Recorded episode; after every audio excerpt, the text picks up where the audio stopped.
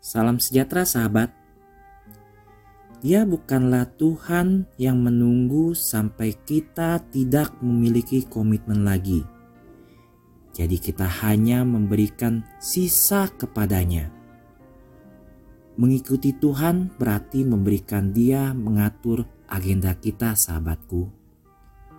Senin 28 Juni, bacaan Injil diambil dari Matius 8 ayat 18 sampai dengan 22. Lalu datanglah seorang ahli Taurat dan berkata kepadanya, Guru, aku akan mengikuti engkau ke mana pun saja engkau pergi.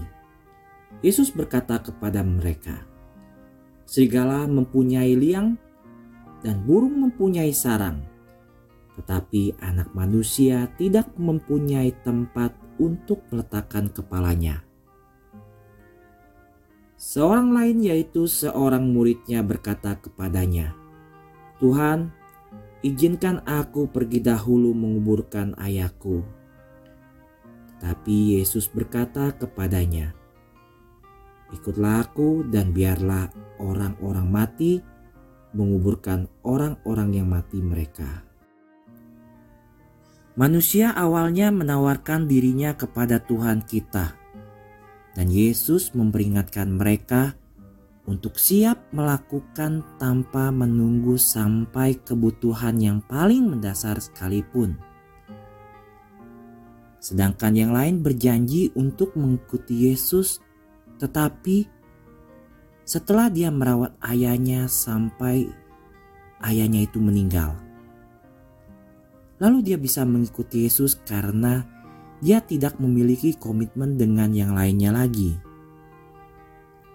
Namun Yesus tidak setuju dengan rencananya tersebut sahabatku.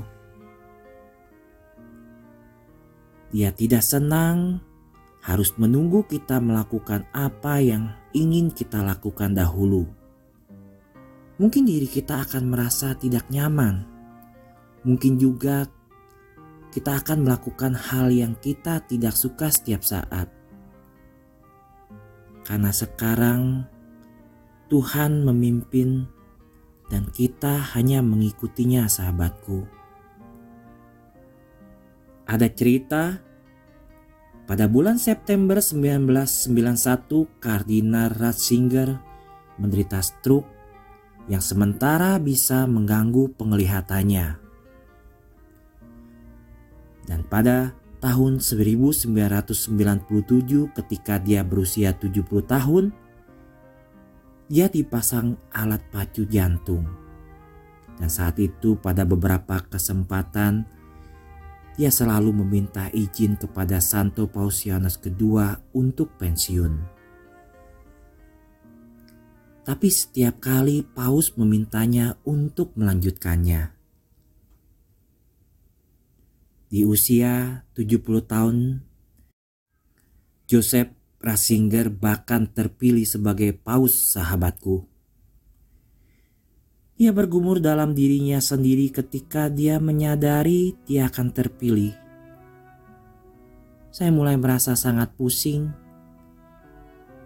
Saya berpikir saya sudah selesai melakukan pekerjaan hidup saya dan saya berharap untuk menjalani hari-hari saya dengan damai.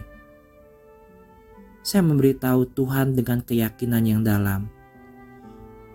Jangan lakukan ini padaku, Tuhan.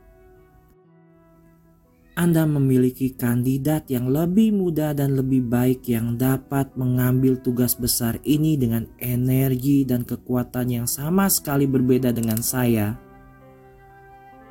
Ternyata Kali ini Tuhan tidak mendengarkanku.